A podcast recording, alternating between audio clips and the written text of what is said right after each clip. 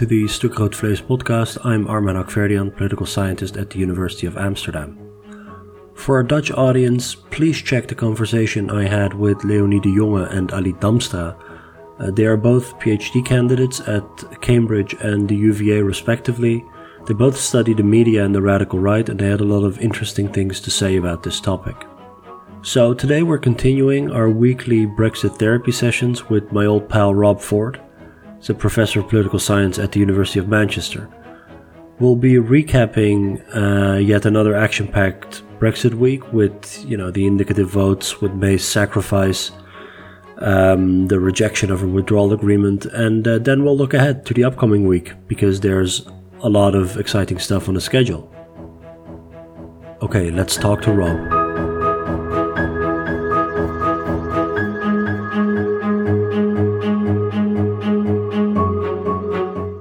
Everyone, joining me on Skype, my old college buddy. We shared uh, many lunches together, we shared many beers together, and now we're sharing the political meltdown of his country together. Yeah, sharing's caring. It's our senior Brexit correspondent, Rob Ford. Rob, how are you, man? Um, I'm good. Um, yeah, a little bewildered. Uh, it's been a fair, even by Brexit standards, a pretty busy week. It wasn't a quiet week, huh? No, it certainly wasn't. We have a lot to talk about again. Yeah, it's uh, Theresa May presents a series of unfortunate defeats. but uh, a silver lining, uh, we'll talk about sort of the way forward. And you have all these decision trees, uh, right? So the BBC has a couple of these, uh, you know, what happens if this and that and this and that. And uh, one month ago, they were completely unwieldy. And now the diagrams are actually quite I can understand them now. They're they're you know the, the choices are not that. Yeah, there's been some pruning to the decision hedge. uh, so much so much pruning. One one sort of small, sort of rather sad looking dying tree. I thought, yeah, that's all we'll end up with. some some some dry twig. all right, so uh, the indicative votes. Um, yeah. That was the uh, yeah, that was all the no votes, right? But um, walk us through it. Yeah, well, when we left things last weekend, uh, you'll remember that I expressed some cautious optimism mm. that we might actually sort of this this would be a week when we would see some progress happening, and uh, the indicative votes was a big part of that. So on Tuesday, um, Parliament did its thing of, um, well, sorry, on Monday they they had their sort of reg, now regular how's the government doing debate. Um, and as per usual, they concluded the government is not doing very well. Right. Um, but this was now the opportunity for backbenchers to put down this idea of indicative votes, which we talked about in the first of these podcasts before. It's the idea that, you know, the backbenchers, the MPs in the Commons seize control of the parliamentary agenda, so they get to decide what gets debated, which is, you know, really historically unprecedented. And, and, the government is usually fiercely opposed to this sort of thing, right? Oh yeah, and normally they have no trouble getting their way and stopping backbenchers from behaving like this. Control of the agenda is one of the most powerful sort of instruments that governments have in Britain. Right. They get to decide what gets decided. Um, but on Monday, um, this vote had failed by two votes the previous time. So everyone was thinking, okay, it failed by two votes. Things have not exactly gone well for the government since it failed by two votes. So we think this time it's going to get over the line. Yes. So there was a very intense debate on Monday. Uh, and then uh, when they did, when uh, your friend, uh, who's been big in the news again this week, uh, uh, Speaker Bercow called out division and they all marched off. Um, the result the fact that the backbenchers won wasn't a surprise, but two things were a surprise. Firstly, the size of the margin. They won by like 30 votes, which means a whole bunch of people have now switched away from the government and are basically saying we've lost faith in this government to actually run this process, so we want to run it ourselves. And secondly, three of May's ministers resigned right. in order to vote this thing through. Um, you know, I mean, that adds to a very long list of ministerial uh, resignations, but it shows how strongly they felt about, you know, this, this process has got to be shifted into a different, down a different track. So it passed comfortably. And that meant on Wednesday, we had this new exciting process of, you know, uh, Brexit bingo. Uh, so all the MPs were issued with this uh, paper. That, that we all saw sort of pictures of it on uh, on Twitter. Those of us following it obsessively there.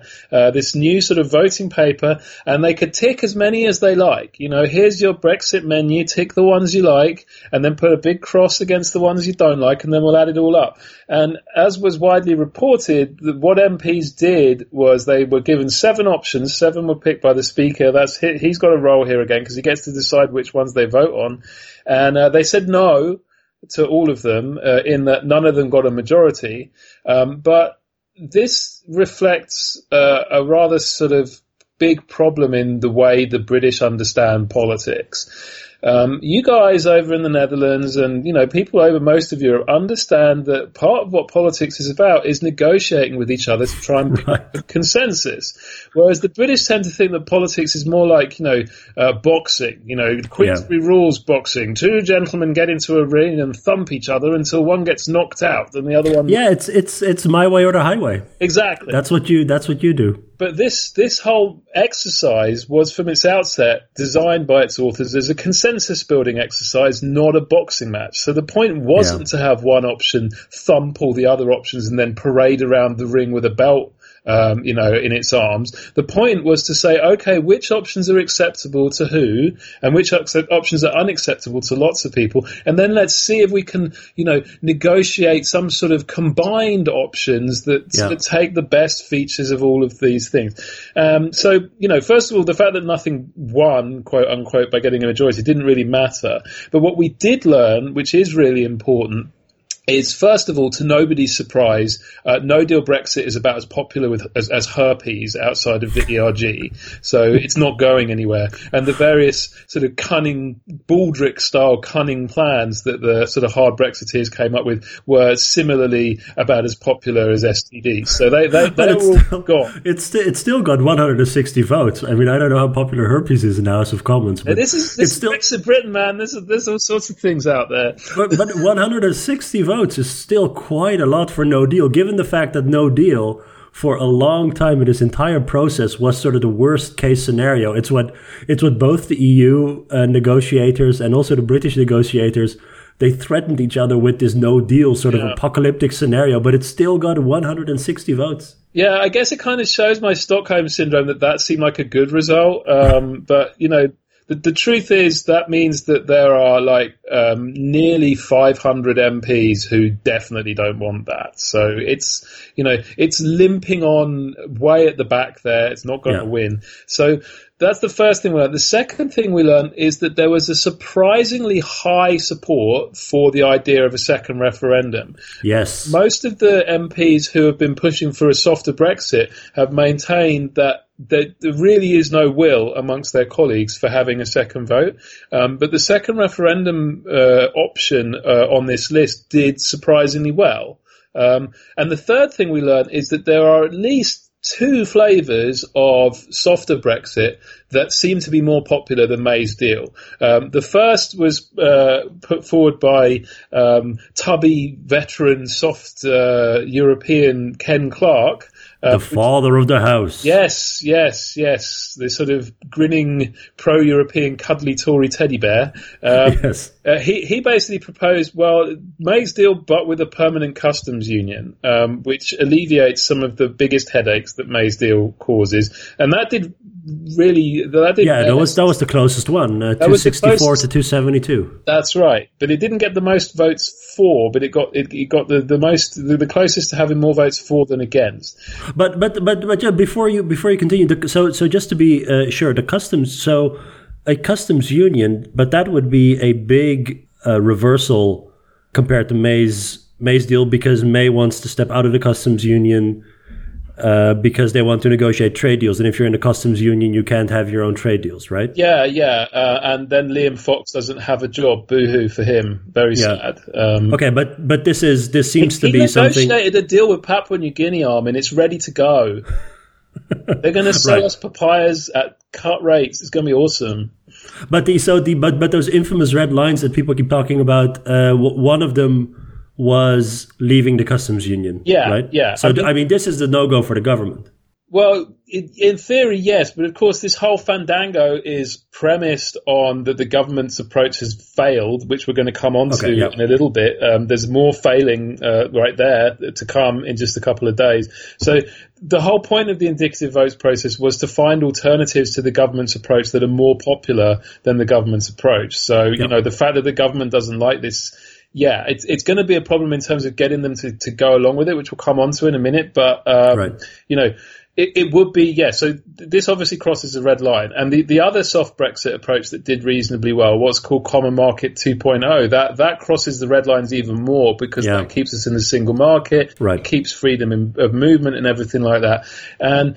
It was interesting actually because the just the customs union thing did better in terms of votes for positive votes for and closer to getting you know a majority amongst those who voted, but a lot of people abstained Yeah. on, on Common Market 2.0, including almost all of the MPs who don't represent Labour or Conservative. So all the SNP, all Plaid, all the DUP, um, and there are rumours this weekend that the Common Market 2.0 gang are currently in negotiations with those minor parties, and that the SNP and even the DUP might jump on board with that Right. option, which would then catapult it into the lead.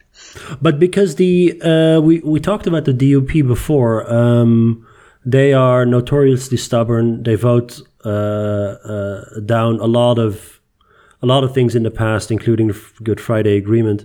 The only thing they care about is the integrity of the United Kingdom. So they presumably would prefer to have a really soft Brexit, as long as it's uh, as long as it doesn't change the status of Northern Ireland vis-a-vis the rest of the United Kingdom. Yes. Right? I mean, that's their, that's that, I mean, they're, they don't really care whether it's hard or soft to Brexit as long as Northern Ireland does not have a different status from the rest of the United Kingdom. Yeah, they, they even came out and said this week that they would prefer no Brexit at all to Okay, yeah. um, any sort of uh, sundering of Northern Ireland from the UK. And their standard for like uh, difference between Northern Ireland and the rest of the UK is it's very very low. So Yeah. it's very very difficult to appease them on that front. And this is why they like Common Market 2.0 because because it keeps Britain in all of those things. Um, you know, Yeah, exactly, yeah. us- you know, it means there's no difference of treatment. Whereas because of the whole issue of the border, anything where Britain leaves those things is liable to produce uh, differences of treatment or the prospect of them, and even the prospect of them gets the DUP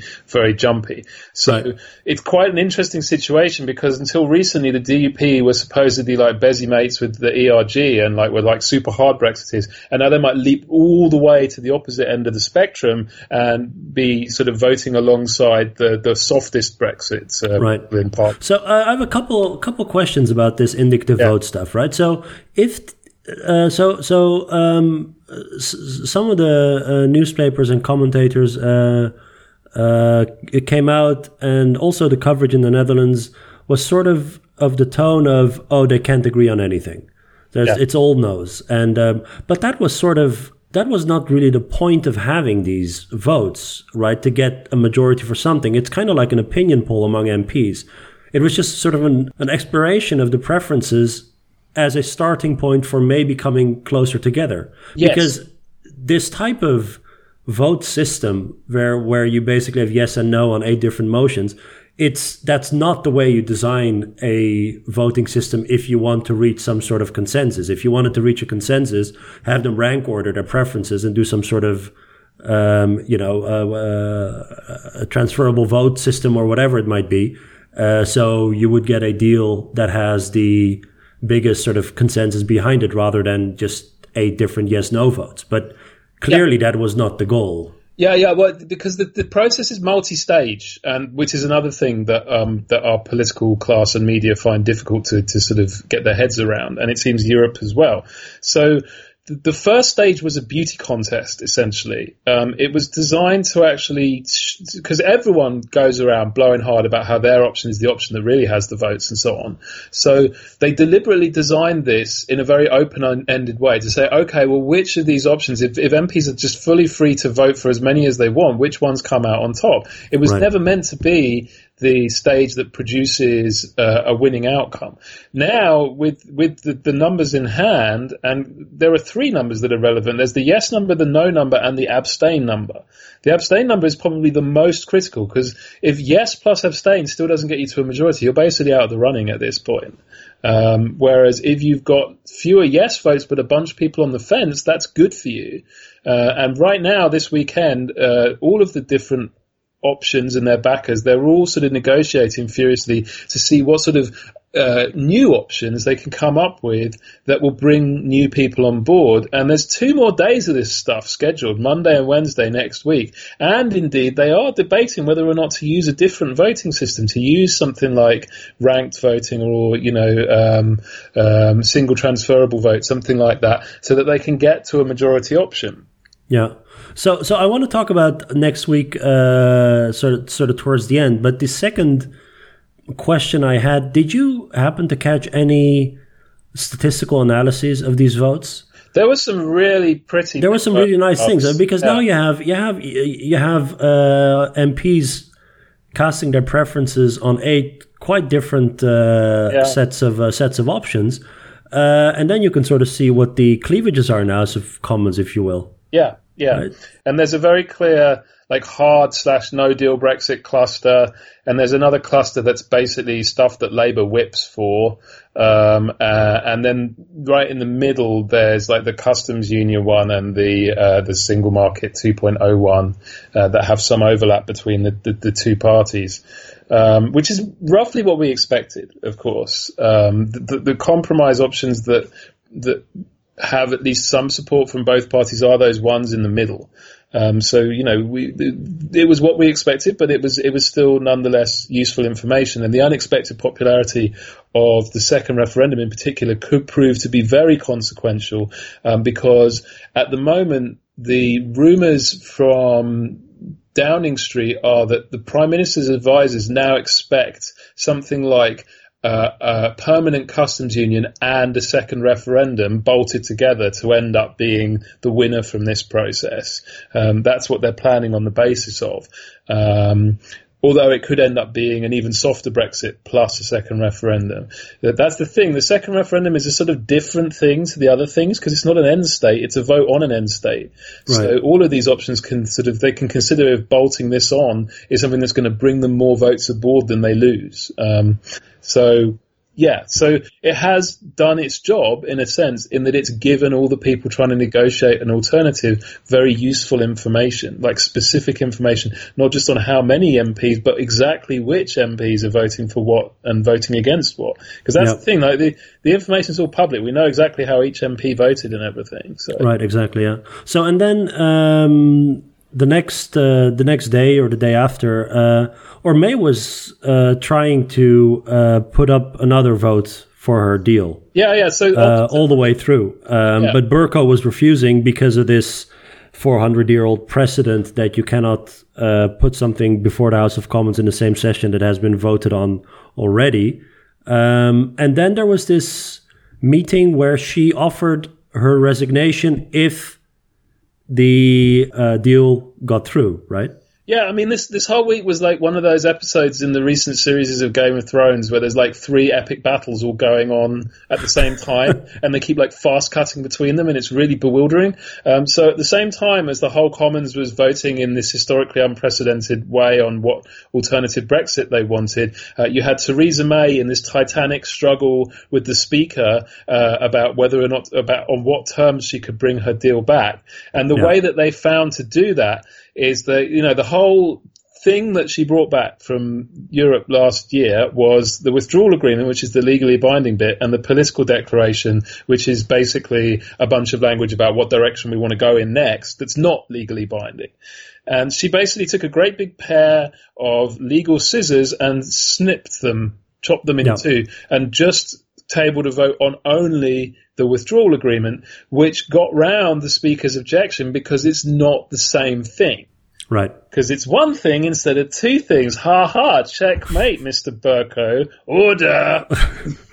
Division. No, yeah. yeah so, the, but the withdrawal agreement, in in in essence, it's it's three things. It's the uh, the fee that the UK has to pay to uh, to the EU. Yeah. It's sort of uh, the, the the rights of uh, UK nationals in Europe and uh, And EU nationals in the versa, UK. yeah, yeah. and then the backstop, obviously. So so those three things. But then the political declaration um, is basically what next Yeah. and uh, yeah, it was it was quite quite clear when she did it, separated the two, whether or not the EU would agree to it. But but no, uh, either way, uh, it was good enough for Bercow to uh, put it up to a vote. Well, yeah, there, there was another subplot in this Mighty Game of Thrones episode right there, which is that the EU Council had said, you may remember, you can either have a short extension to April 12th, or if you vote the deal through, we'll let you have till May 22nd to tidy everything up. Yeah, But apparently, the way they drafted that, according to the government's lawyers, was pretty loose. Uh, and that meant that they felt they could interpret it as meaning that they only had to pass the withdrawal agreement by um, the EU's deadline, not both bits. right. So uh, they, they, the the EU's lawyers, for once, they they normally win most of these fights, but it looks like this time they they uh, you know they weren't given very long, so that's fair. But it looks like they may have screwed up because it gave the the government a loophole. Uh, a rare Euro loophole to, to walk through that also got them uh, a loophole through the Speaker's objection. Right. So so that that's one hurdle at least she cleared is is Bercow now let her uh, At a table the vote. let her table the vote, but it's still a uh, really unpopular um, deal to begin with. So now she had to work at the same time to get enough votes to pass it. yeah, and she pulled So she offered her head. Yeah, it's like one of the most extraordinary gambits like ever uh, in politics. The argument was basically, um, I want you to vote for my deal in order to get rid of me. Yes. Um, and now the the weirdness of that becomes clear if you invert it. Um, it's basically saying if my deal fails, I will stay, yes. and you will be lumbered with me, even though I have once again failed. Uh, the only way to get rid of me is to let me succeed. Um, and weirdly, um, and rather sadly, given the um, you know really very high stakes on offer, very large numbers of Conservative MPs came on board on this basis, which, as many people pointed out, essentially showed that, that their opposition to the deal was much more about their personal ambitions Yeah. than it was. So, once again, we seem to be in a situation where people like Boris Johnson, in particular, are willing to burn down the country so long as they get to plant their personal flag in the Yeah. smouldering embers at the end of the process. I wanted to, so uh, it's it's good you mentioned Boris Johnson because It's not good ever to mention Boris Johnson, frankly. I wish we could stop. no, but for the purpose of uh, me now reading this quote to you, Ah, it's- right, it's- okay. it's, it's fabulous. He had a he had a, a column, of course, in the Daily Telegraph. Uh, this this is the uh, this is so uh, the Telegraph sent a tweet. The front page of tomorrow's Daily Telegraph, right?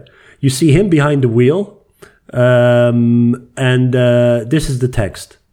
We have blinked, we have balked, we have bottled it completely. It is time for the PM to channel the spirit of Moses in Exodus and say to the Pharaoh in Brussels, "Let my people go." That was him. That was him last week. That was him last week. And then this is also. I mean, I love Twitter. I absolutely love it. Um, another. So Edward Burke um, responded. The full biblical Moses quote cited by Boris Johnson is, "Let my people go, that they may serve me." Perfect. which is absolutely perfect because that's precisely what's what it's about you know uh, but but it's um, suddenly it's not uh, suddenly it's not slavery anymore right it's not uh, it's not the vassal state anymore Well- may has offered her head and uh, well let's take it Yeah, uh, it's uh, as as one of the Guardian's columnists, Marina Hyde, who's the funniest writer on Brexit, in my opinion, put it. Uh, it's like Boris went and had another meeting with the Pharaoh and decided that slavery wasn't so bad, and maybe we can improve the conditions under which we are slaves. And now he's yes. with it. Um, uh, yeah, there's just not enough Nelson Muntz ha ha gifts to cover the the absurd climb downs. Another one was Dominic Raab, who repeatedly said that May's deal was worse than remaining in the EU, and then went into the Commons and announced he was switching his vote because remaining in the EU was now worse than exactly the same deal. Um, Yeah. You know, so yeah, these these guys, Armin, you know, I mean, they're some real goombas. You know, So yeah, exactly. Uh, there's also so the the meeting that the that May had with the uh, with the Tory MPs. There's some really there's some really funny reporting about that meeting too. Did you did you catch a couple of these sort Oh. of uh, reconstructions? Uh, well, the, when Steve Baker made his absurd speech about bulldozing the Commons because he was quivering with rage and then shouted like "I am Spartacus" or something ridiculous like that. yeah, so let me let me read a couple of. Uh, so um, uh, apparently, uh, some of it was very emotional, and uh, you know, and, and the PM apparently made a made a uh, emotional plea to the uh, to the Tory MPs, and some of them also sort of appreciated her sacrifice and all that sort of stuff, right? So that's the the lead up to this. In contrast, there was pu- pure fury from the ERG heavyweight Steve Baker, who called May's speech a pantomime and raged that he could tear this place down and bulldoze it into the river. Yeah, His voice was cracking with emotion, so much so that at the end he was hugged by Jacob Rees-Mogg and others at the top table. Said an ERG source, "We are not a hugging group." yeah, and then and then and then it continues uh, uh, about David Jones, who is a former Brexit minister. He also gave an emotive speech, parts parts of it in Latin, quoting Tacitus on the Romans' battles with the Britons and imploring MPs to stand firm against the Romans. Classicists in the room looked perplexed, Johnson included, and several sou- uh, shouted back, "But they all got annihilated." yeah, Which I absolutely love. And then um, apparently there's yeah. Co- they call themselves the Spartans, and I don't know what. Yeah, yeah. I mean, in in in their heads, uh, they're like uh, Gerard Butler uh, in the 300. Um, Whereas in reality, they're more like Corporal Jones in Dad's Army. Um, I don't know whether whe- whether the Dutch audience will get that reference. no, ma- maybe not. Uh, Don't you have a Game of Thrones reference? I'm I'm struggling to think of an of, of a protagonist in Game of Thrones that was sufficiently incompetent to, to make the analogy work. Maybe an emasculated Theon Greyjoy, Reek. I don't know. uh, yeah. So anyway, so that was the that was the um, as you say high drama. Uh, May offering her head basically for uh, for for a deal to pass. Um, Yeah. and, And, then a whole bunch of them came on board. Uh, yeah, a lot of them came on board. So this, so the very first time she put this deal uh, up for a vote, two uh, 230 uh, votes difference. Second time 149, and uh, the third time 58. So she's getting close. Yeah, yeah. I mean, like you know, uh, you run a best fit line through it, and you'd say that the fourth time might be the charm, um, which we'll come on to. Um, Yeah. but uh, No, but the yeah. So um, the uh, the deal got voted down. yeah, So maybe we should talk about then what the next steps are. yeah, yeah, because this decision tree is um, it now fits on one page. So the I there's a second getting to day. clarity. I was, you know, my optimism wasn't entirely off in that regard. No, yeah, I mean we're getting closer and closer to the end game. Yeah, Uh, well, you clearly see with with uh, with with Johnson and Rees Mogg that under extreme pressure they fold. yeah. But the the, the so. We're, we're close to the end game now, in that it, we're close to an alternative to May's deal coalescing. We're also a lot closer to May's deal getting passed, Yeah. and we're a lot closer to the new cliff edge. So next week should provide even more pruning of the decision tree uh, than this week did. So here's the decision uh, tree that the BBC uh, provided. So uh, the 29th of March was the uh, uh, rejection of the withdrawal agreement. That was uh, yesterday. Um, on the 1st of April is the second day of indicative votes. If there's a clear result, then there's two options. So if, no, if there's a clear result, uh, the question is first, will Theresa May accept it? Yeah, Because these are not binding uh, votes. They don't bind the government. no, So if May would accept whatever option comes out on top, then the government would have to try and implement it and basically ask for a further extension from Brussels. yeah, uh, in order to do so. Of course, some of these options might take a very long time to implement. Yeah, I mean, if it's Common Market 2.0, you know, we have to negotiate with the Norwegians and various other people who understandably have some reservations about the idea of letting them, letting us into their club. Um, you know, we're, we're, like a big angry gorilla smashing stuff up. You don't let such a thing into your delicately constructed Nordic sauna. Um, In comes the British ape. Yeah, yeah, exactly. But that's that's basically one uh, branch of the tree. Uh, if May does not accept the Commons decision, then there's basically two options. Obviously, one is no deal Brexit on the 12th of April. Yeah. One is to cancel Brexit, but I don't really know what that would entail. Revoke, revoke Article 50. It means Theresa May gets up and says, "Yeah, I've changed my mind." But can she do that unilaterally? Uh, opinion is divided on that. Um, some people think that because of the Gina Miller Supreme Court decision that said that the government had to have a, a vote to trigger Article 50, that the mirror image of that is that they'd have to have a vote to revoke it as well. Right. Um, so it's not entirely clear. Um, but it's kind of moot because it's extremely unlikely that May would do it, and it's even less likely that any successor to May would do it. So right. I don't think it's going to happen. Right, and then there's the other option is a further extension. So uh, yeah. But that that of course has a couple of um, really important consequences if it is granted by the EU, which is a big if. But if it is granted, then it would basically uh, require the UK to take part in the European elections, which I think neither the UK nor the EU are particularly keen on.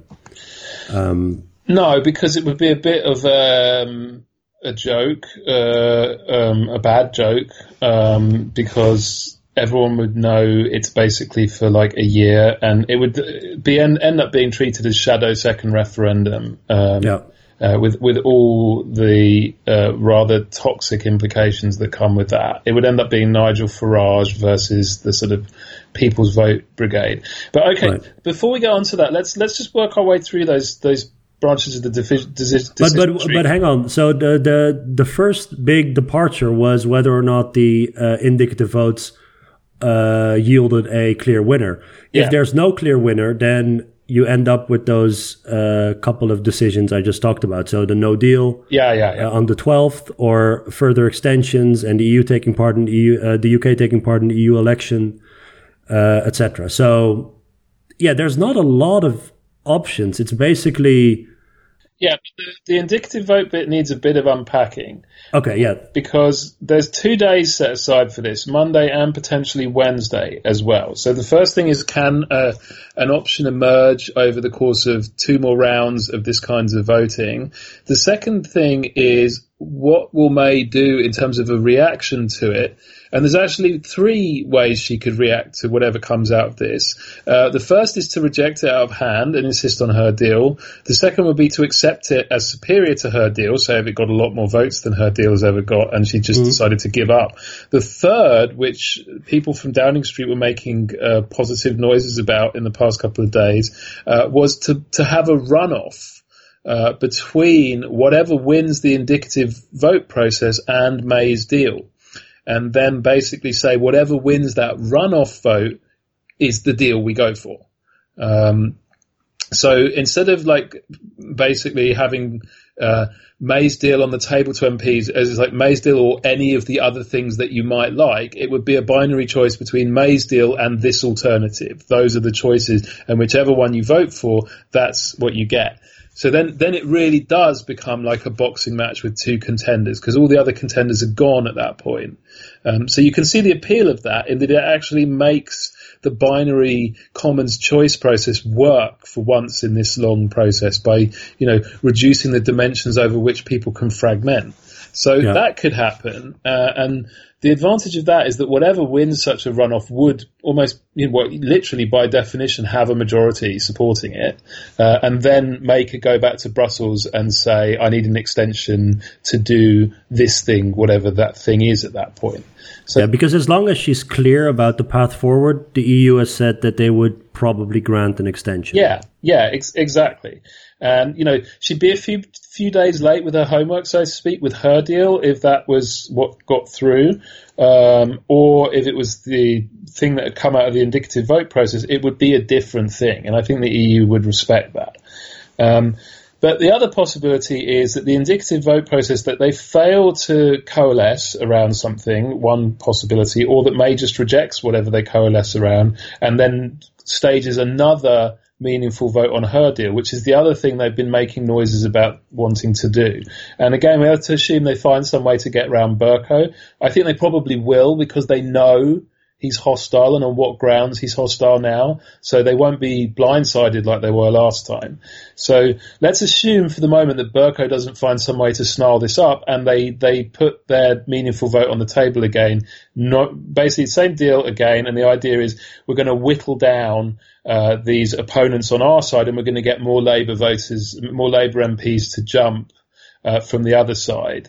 Um, now that's going to be very, very difficult because of the Steve Baker type Spartan psychology amongst the remaining Conservative MPs, the complete opposition of the DUP, and the fact that Labour MPs who might find this appealing are not going to want to vote for it when they know that there are now other options emerging that would be more in, in line with their preferences. So if it fails again, and May is unwilling to consider other options, she still has the prerogative as government. Then we are in the realms of a potential no deal on the 12th of April. And a lot of people in the EU think that's quite possible, that it could happen. Yeah. Um, or we have the, the option of May saying, and she was hinting at this when, when the deal failed the third time, she said, we're approaching the limits of what this house can do and everyone has taken that as a very strong hint that it might it might end up with an election. Um, whether it would be an election or a second referendum isn't clear. It's pretty clear that either of those options probably would secure a longer um, extension from the EU. The complicating factor being that you would then also have to have European elections as well as having a general election and or a referendum. So, I mean, like that would be an absolute, yeah. It, I, I think I would have to take a holiday um, somewhere far, far away. Uh, and like lock my mobile phone in a safe because I don't really want to be here for what that would be like. It would be horrible. Right. So um, as of this point, it's not clear what the voting mechanisms or rules will be for uh, Monday and Wednesday. No. Everyone thinks there will be less options, and that the, the, the reduced number of options will feature, you know, people like the, the people designing them combining elements of the previous options. Uh, right. So permanent customs union plus a second referendum has been discussed a lot. Uh, we know that Common Market 2.0 is being changed to accommodate uh, what the SNP want to see in it. Uh, what exactly that is, we don't know yet. So there'll be different options and there'll be fewer of them. And they'll be different in ways that are designed to bring more MPs on board. Um, so. And, and what's the difference between Monday and Wednesday, or is it just stretched out over two days? Wednesday's just there in case Monday sort of does still doesn't deliver a result, which is quite possible given how you know fragmented the vote was the first time they did it. So, so it's, very well possible that on Monday you'll have uh, you'll have uh, one round and on Wednesday you'll have maybe a second round with even less options. Yeah, it could be that Wednesday they just take the final two, top two. So you got you got another day to improve these two options, and then we'll put these two MPs as the sort of two final offers, and you know make it a runoff between them, or maybe they'd have three and preference vote the final three. It's really not clear at this stage uh, what they're going to do. Um, but they God, it's like idols. yeah, and it's it's like those shows in that they can keep changing the rules each time, um, you know, based on what they think will be most fun, um, uh, or deliver the, the highest audience ratings for BBC Parliament or whatever. I mean, I think the objective of all the people leading this process is they want whatever goes up against May's deal to be as credible as possible, to make it as difficult as possible for May to refuse to at least consider it. But I mean, it doesn't it drive people crazy that there are no set rules to this sort of thing. I mean, I know that that in your in your political system, the sovereignty of parliament, and you know they can change whatever they want, they can do whatever they want, and they're not bound by a lot of things. But the fact that people make up the rules as they go along with something that is so incredibly crucial and fundamental is is amazing to me. Yeah, but what you have to remember is this is not how it's supposed to work it's supposed to be the parliament that the, the, government sets the agenda, the government sets out what it's going to do, and then parliament votes on that. And if parliament rejects it, the government tries something else. Instead, we've got a government that's repeatedly getting rejected by parliament and carrying on trying to do the same thing. So you know, it's kind of more like the legislative equivalent of if someone crashes a car very fast into a concrete wall, but they haven't got any other car, so they're taking the wreck and they're trying to make it sort of limp along in some sort of weird way yeah, but wobbling you, along with three wheels. You'd usually think you'd usually think that if you have a really dysfunctional government in a parliamentary system, it loses its it loses its backing from parliament, and you uh, you know, and you and, and you have new elections, or you replace the government, or, or whatever it is you want. But this almost seems like a presidential situation yeah. in which the executive and the legislature are just completely, you know, talking past each other. Well, that's that's Dave's fault uh, he of the, the three million pound shed, David Cameron. It's one of the unex- unanticipated consequences of his Fixed Term Parliaments Act, which basically, before the Fixed Term Parliaments Act, at any point, the government could declare a vote to be a confidence vote. And once it was declared to be a confidence vote, it meant that there would automatically be a general election uh, if the vote failed, which gave a very clear mechanism for unblocking things, just as you were saying.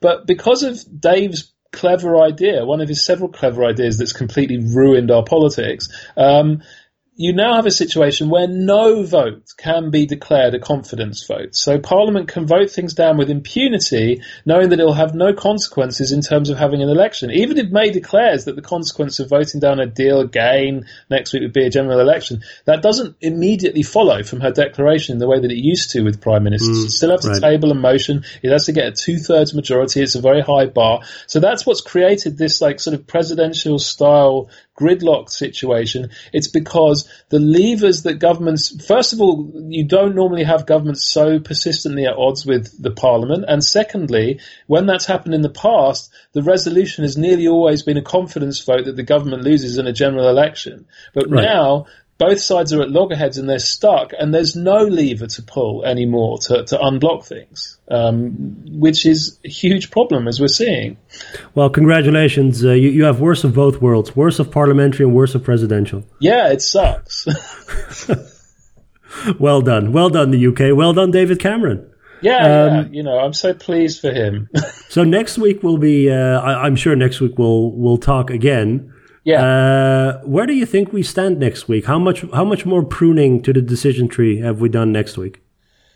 Well, next week we will definitely have more indicative votes, so the alternatives will get pr- pruned down. We are very likely to have another vote on because, incidentally, the deadline for uh, no deal currently is is April 12th, yes. and there's a European Council on April 10th, uh, at which May would have to table any request for an extension, and they have said they want to hear a plan ahead of time, which means given we're at March 30th today, it's very likely by this time next week, say this Saturday, the government's going to need to have a plan that it can present to the EU.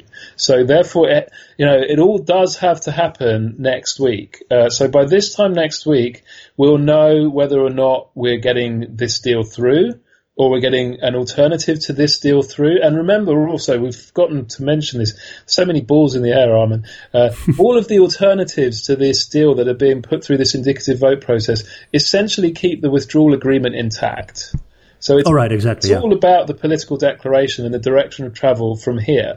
So if any of them goes through, it amounts to ratifying the legally binding bit of the deal, in which case we're then sort of moving into transition uh, and so on, and, and, asking for a short extension to fill in the gaps and so on. But you know, so we yeah. could be there. Could yeah, so that's a good, that's an important thing to mention. Yeah, so if any of the alternatives uh, include the backstop, they include the rights uh, provisions, and they yeah. include the, the, the, I don't know 50, 50 billion. What, how, yeah, yeah, forty or fifty. What, it's it's uh, yeah, it's they they all include that. So yeah, that's yeah. the the the bill. Yeah, yeah, they they all include that ex- exactly. So this time next week, we should know, you know, one of the following things will be true. Either we will have passed some sort of a deal, either May's deal or one of the alternatives that emerges from the indicative vote process, or we will have failed to pass anything and we will know whether or not we are getting a general election or another referendum or a long extension to the uh, process um, and, um, uh, you know, well, we won't necessarily know what we'll be using that long extension for because May's not normally very forthcoming about those things. Um, or we will know that, that, that these things have all failed and that the government is essentially pointing the car at the cliff and doing a Thelma and Louise and going for no deal. Uh, the last is the least likely of the outcomes, but it's still a possible outcome. But the point yeah. is that this is probably the last point, I think, at which that would become a possible outcome. Because I think if the government asks for a long extension, then that's goodnight Vienna uh, with regards to the no deal option. Because I can't see it ever becoming live in the way that it is right now ever again. Right. Um, so we will know a lot more. The, the decision tree will have been pruned down to just a few branches by that point. Ah, Rob, I look forward to talking about the, uh, the, the, the, the smaller decision tree next week. Yeah, well, I look forward to talking you through my um, my plans to stockpile my no deal bunker uh, next week. uh, we can swap beans recipes and so. yeah, I'll have a, I'll have a couple of beans recipes for you. okay, man. Thanks so much. Have a good weekend. I'll yeah. talk to you next week. And you. Cheers, Armen. All right. Bye bye.